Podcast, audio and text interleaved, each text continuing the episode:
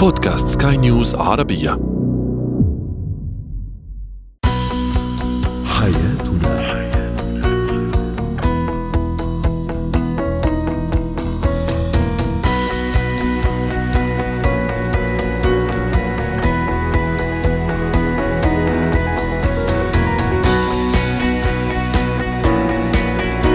أهلا بكم مستمعينا الكرام إلى برنامج حياتنا برنامجكم اليومي الذي يعنى بشؤون الأسرة وباقي الشؤون الحياتية الأخرى والذي يمكنكم الاستماع إليه عبر منصة البودكاست لسكاي نيوز عربيه معي أنا طيبة حميد. نتحدث اليوم عن كيفية تنمية شخصية الطفل وفي هو وهي الحديث عن حزن الشريك وكيف نواسيه وندعمه. وفي مهارات الحياة نسلط الضوء على فكرة تجاوز اليأس وتحقيق الأهداف.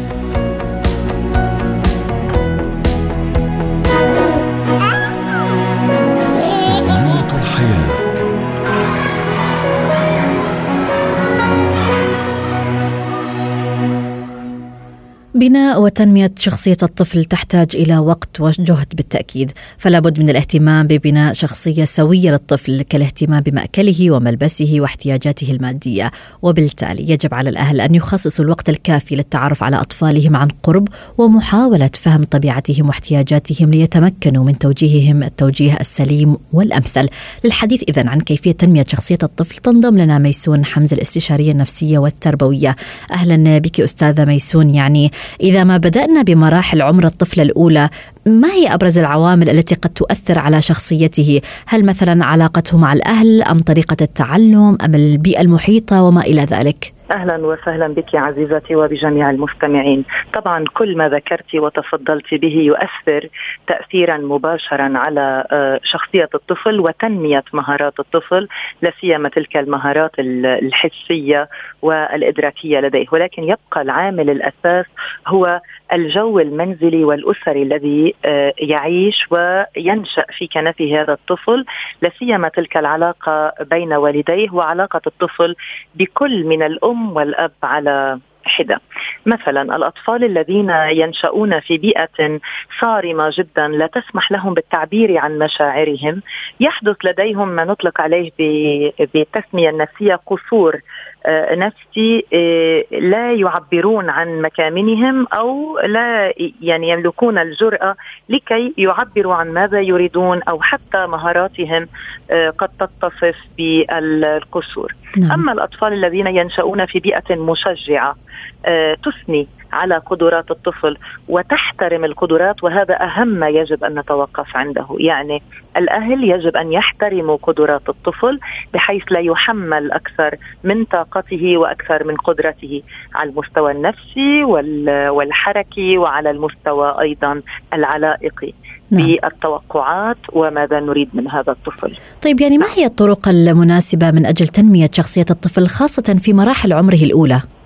آه، نحن نستطيع أو آه، بإمكاننا العمل على بناء قدرات الطفل من لحظة الولادة لأنه آه، يعتمد الأطفال بلحظة ولادتهم على التركيز على حاسة السمع. وبالتالي من هنا تبدأ عملية التواصل مع الأطفال. نستطيع من خلال التهدئة أو من خلال الصوت اللطيف أو من خلال الكلام البسيط أن نمهد للطفل كيفية تدرجه في مراحل آه، آه، عمره.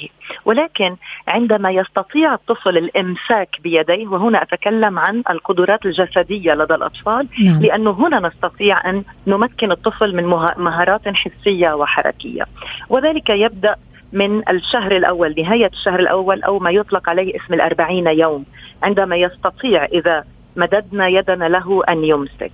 ولكن علينا مع مرور الأشهر لا سيما في الستة أشهر الأولى لدى الطفل أن نركز على المهارات النظرية من بعد المهارات اليدوية يعني من بعد إمساك اليد أن نبدأ بتنميه مهارات الطفل على مستوى النظر لنرى ما هي الألوان التي يختارها ما هي الأشكال التي يختارها وهكذا نتدرج تلقائيا إلى حين أن يتمكن الطفل من المشي وأيضا من النطق بأولى الكلمات من أجل تسمية الأمور آه، والأشياء بأسمائها. البعض أيضا أستاذة ميسون يستخدم القراءة اليومية للطفل حتى لو كان في طبعا. عمر صغير. هل هذا يساعد نعم في تنمية نعم. الشخصية؟ نعم وهنالك مدارس نفسية تركز أيضا على القراءة أثناء الحمل، يعني قراءة الأم لأن الطفل في كجنين في رحم الأم هو قادر على الاستماع، يعني تتطور لديه حاسة السمع بشكل أكثر من الحواس الأخرى. تكون متقدمة.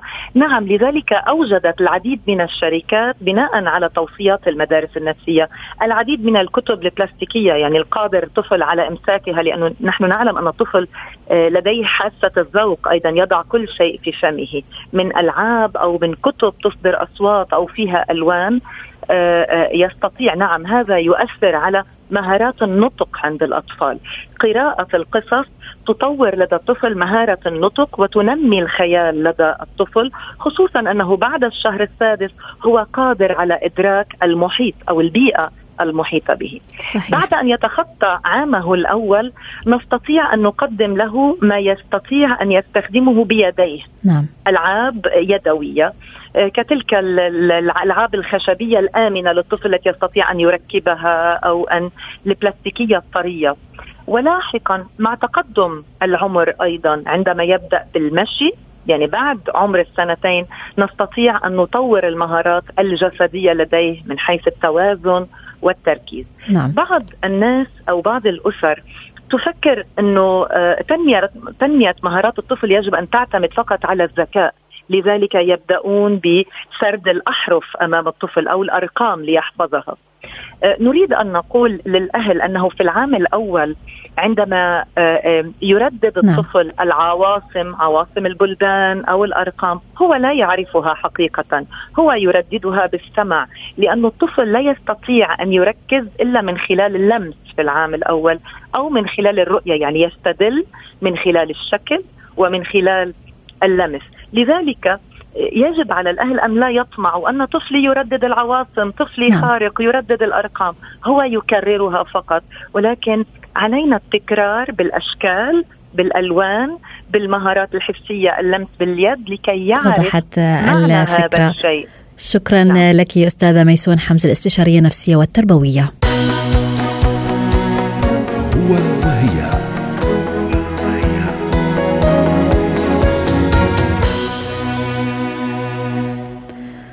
الشريك قد يكون أصعب بكثير من حزننا، هو ليس بالأمر الهين أن ترى شريك حياتك بالتأكيد يمر بظروف عصيبة ويشعر بالحزن لأي سبب كان وتقف مكتوف الأيدي، وقد يكون الشعور بالعجز نحوه أثقل هما من الأزمة ذاتها، فكيف نواسي الشريك ونخفف عليه الحزن بطريقة إيجابية؟ هذا ما سنتحدث به مع الدكتورة عزة حامد زيان استشارية العلاقات الزوجية والأسرية. أهلا بك دكتورة عزة معنا. قد يمر شريك الحياة بظروف صعبة كأن يفقد شخص عزيز عليه أو أحد أقاربه مثلا قد يتعرض لأزمة صحية.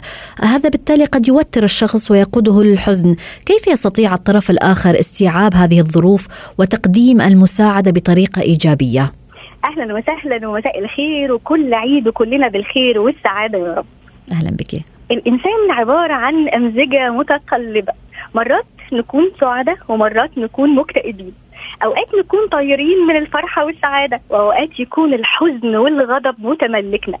في مننا اللي سبب حزنه واضح وصريح زي حالات الوفاة أو الحوادث أو إقالة العمل لا قدر الله. وفي مننا الذي لا يبوح بأسباب حزنه ولكن تصرفاته ومواقفه بتعبر عن حالته.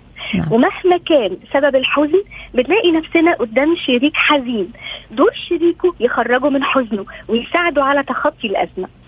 آه عشان أعمل كده لازم الأول آخد بالي إن شريكي حزين ده هيبان الحقيقة من بعض تصرفاته لما تتبدل وسلوكه لما يختلف.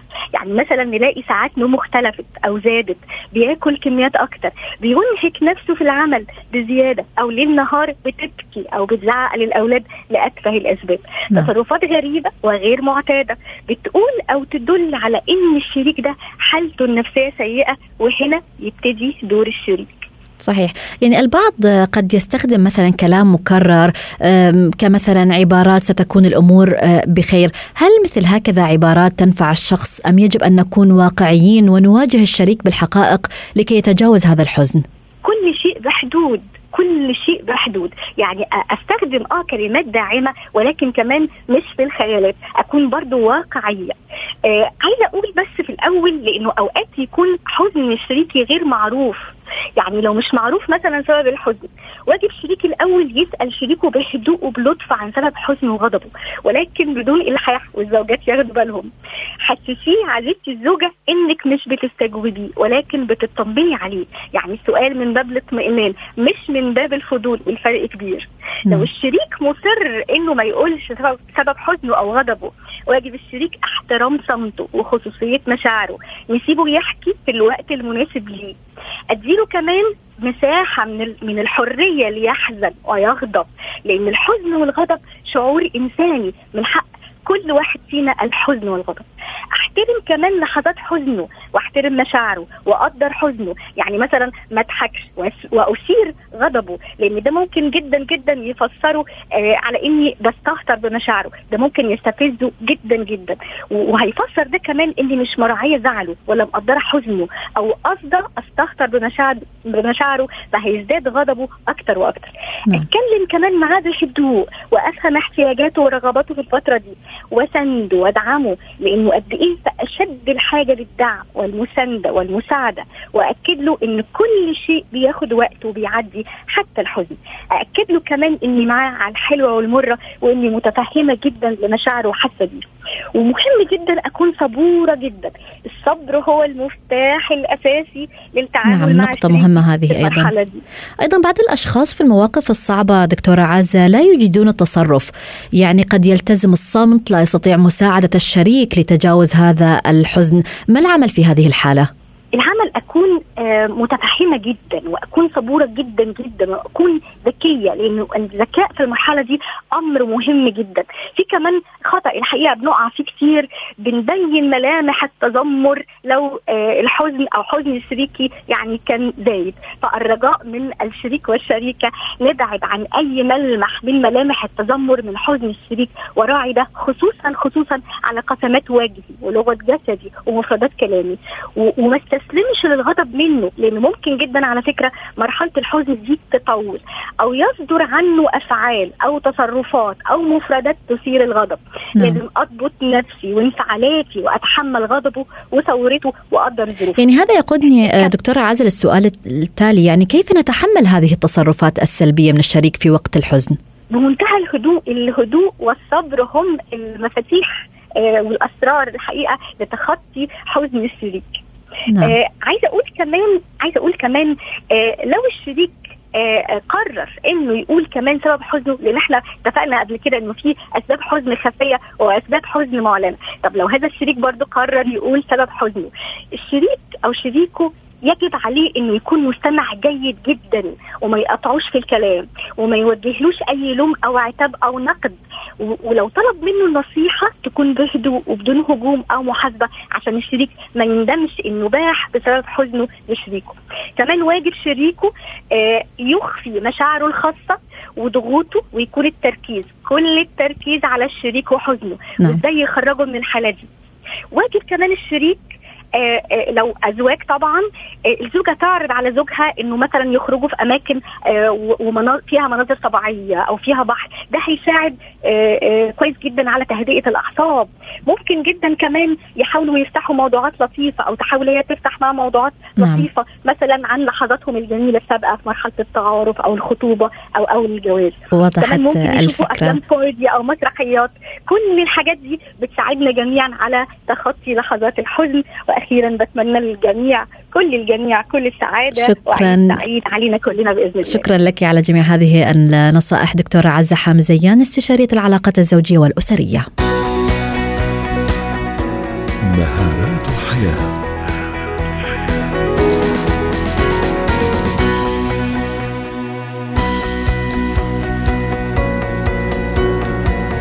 الاستسلام واليأس. عبارة عن حالة مزعجة تسيطر على نفسية الشخص وتمنعه من المضي قدما في الحياة لتحقيق أهدافه والنجاح.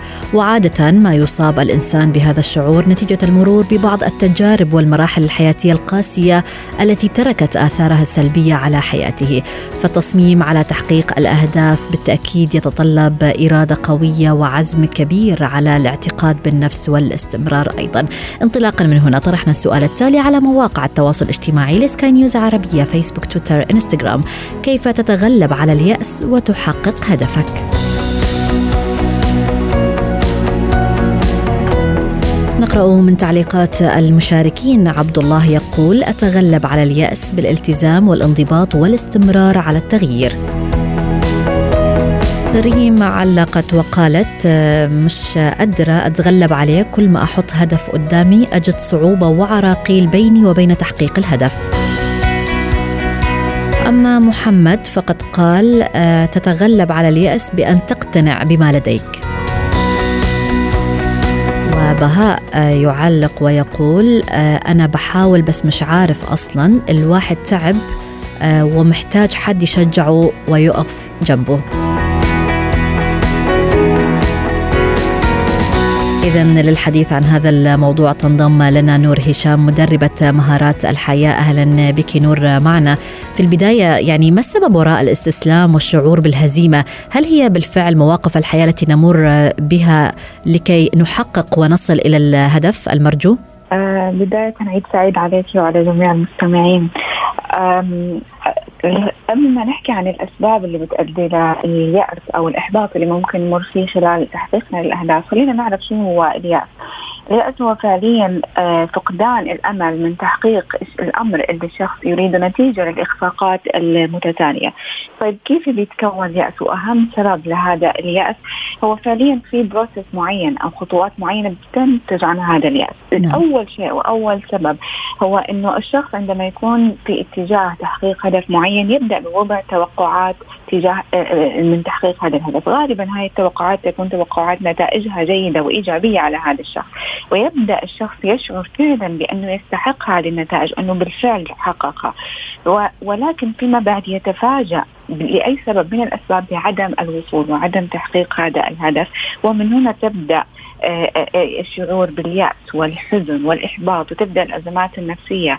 يبدأ نوع من الغضب وعدم القدرة على التركيز والقلق ويصل فيه إلى اليأس والتوقف عن المحاولة. هناك العديد من الأسباب اللي ينتج عنها هذا اليأس منها عدم ثقة الشخص بنفسه وعدم نعم. ثقته من قدرته على المحاولة مرة أخرى عدم قدرته على التأقلم مع الظروف المحيطة في اللي بتعرق الوصول لهذا الهدف. قد يكون الوضع العام المحيط بالفرد من سواء في الأسرة الأسرة أو في آه، العمل. قد لا يمتلك المهارات الكافية لإدارة وقته بطريقة آه، صحيحة توصل لتحقيق هدفه. هل هذا اليأس يعني أستاذة نور كفيل بأن يفقدنا السيطرة على المحفزات الضرورية آه، للمضي قدما لتحقيق الهدف؟ آه، في بعض الأحيان من الطبيعي أنك تشعر ببعض اليأس والحزن آه، لو حصلت على نتيجة معينة ولكن إذا استغرق هذا اليأس فترة طويلة وبدأ يعرقل قدرتك على الإنتاج بدأت تشعر بخمول وكسل وعدم قدرة على العمل وبدأ يؤثر على حياتك هنا فعلا نعم هنا في هذه المرحلة يكون عائق للتقدم. آه، وينعكس عليك آه، وعلى حتى المجتمع آه، بطريقة سلبية. فلا بد أنك تتعامل مع هذا اليأس. ولا تجعل اليأس هو اللي يتحكم فيك بل على العكس أنت طيب ماذا نفعل للتغلب على الإستسلام واليأس في هذه الحالة؟ أول شيء لابد أن يكون هناك في عزيمة وإصرار وانضباط في الوصول لتحقيق هدفي، لابد أن يكون أكون أنا المتحكم بأفكاري، أنا الامر الوحيد اللي أستطيع أني أتحكم فيه هو الأفكار، أفكاري ينتج عنها مشاعري سواء كانت يأس وإحباط أو سواء كانت اندفاع وتحفيز نحو التقدم، هاي المشاعر ينتج عنها النتائج وبالتالي ينتج عنها الأفعال اللي أنا أقوم فيها، لابد دائما أكون محاط بأشخاص يساعدوني على هذا النجاح وليس أشخاص محبطين آه، يدفعون يدفعوني أنا إلى اليأس أستشير آه، خبير في الأمر اللي أنا فشلت في تحقيقه. دائما آه، يكون عندي فكرة هو أن الفشل هو جزء من النجاح. الفشل الحقيقي هو أنك تتوقف عن المحاولة ولكن طالما أنت تحاول فهو جزء الإخفاقات هاي جزء من هاي النجاح وعلى العكس أنت تتعلم منها للمواصلة. عندما تريد تحقيق هدف معين لابد هذا للهدف هذا أن يكون واضح. 95% من النجاح هو في وضوح الهدف. هذا الهدف لابد أن يكون محدد. مثلا الأشخاص بدهم ينزلوا آه، من وزن معين. لابد أنه يحدد كم كيلو جرام هو حابب أنه ينزل. هذا الهدف يكون مقاس. بمعنى الأشخاص مثلا بده يقرأ عدد كتب معينة خلال شهر يحدد كم كتاب أنا حابب آه أني أقرأ. يضع وقت لتحقيق هذا الهدف. وفي حال أو اللي بنسميه الديدلاين في حال لم يحقق الهدف في هذا الوقت اللي حدده ما في أي مشكلة. ضع وقت آخر لتحقيق هذا الهدف. ولكن لا تصاب باليأس والإحباط. حتى يعني فكرة التطور المهني البعض قد يبذل مجهود كبير لكي يحقق الهدف المرجو في العمل مثلا وقد لا يستطيع أن يصل لهذا الهدف. ما العمل في هذه الحالة؟ ما الحافز الذي يدفعنا للاستمرارية؟ تماما أول شيء لابد انه نفرق بين الهدف والنتيجة. الهدف عادة إحنا ما بنوصل لأهدافنا. عشان هيك حتى في منا بدأ يكره كلمة هدف. ولكن على العكس أنت دائما هناك تحقيق للنتائج سواء كانت نتيجة سلبية أو إيجابية. فهناك دائما تحقيق للنتائج. بالنسبة للدوافع أنت عشان يكون في عندك دافع لا يكفي أن يكون عندك حافز. لابد أن نحول الحوافز إلى دافع. الحافز نعم. عادة أمر مؤقت هو مجرد شعور بينما الدافع هو أمر دائم. كيف أحول الحافز إلى دافع إنه يكون في عندي ال purpose اللي هو يكون في ان السبب اللي يوصلني لهذا الهدف. لابد نعم. إنه يكون عندي سبب قوي يوصلني لهذا آه الهدف. لابد إني أكتب أهدافي أمامي تكون موجودة أمامي. أضع خطة لا يكفي فقط وضع أهداف محددة ومقاسة. لابد إني أضع خطة أجيب ورقة وقلم أضع خطة أكتبها أمامي وآخذ اكشن وما يكون في عندي تسويف ومماطله في إني في الأفعال اللي توصلني لتحقيق هذا الأهداف. بالتأكيد. أمشي وأيضا يعني الصبر مطلوب لكي أكيد. يعني نحقق هذه الجهود المبذولة ونصل إلى الهدف المرجو. شكرا لك نور هشام مدربة مهارات الحياة. حياتنا.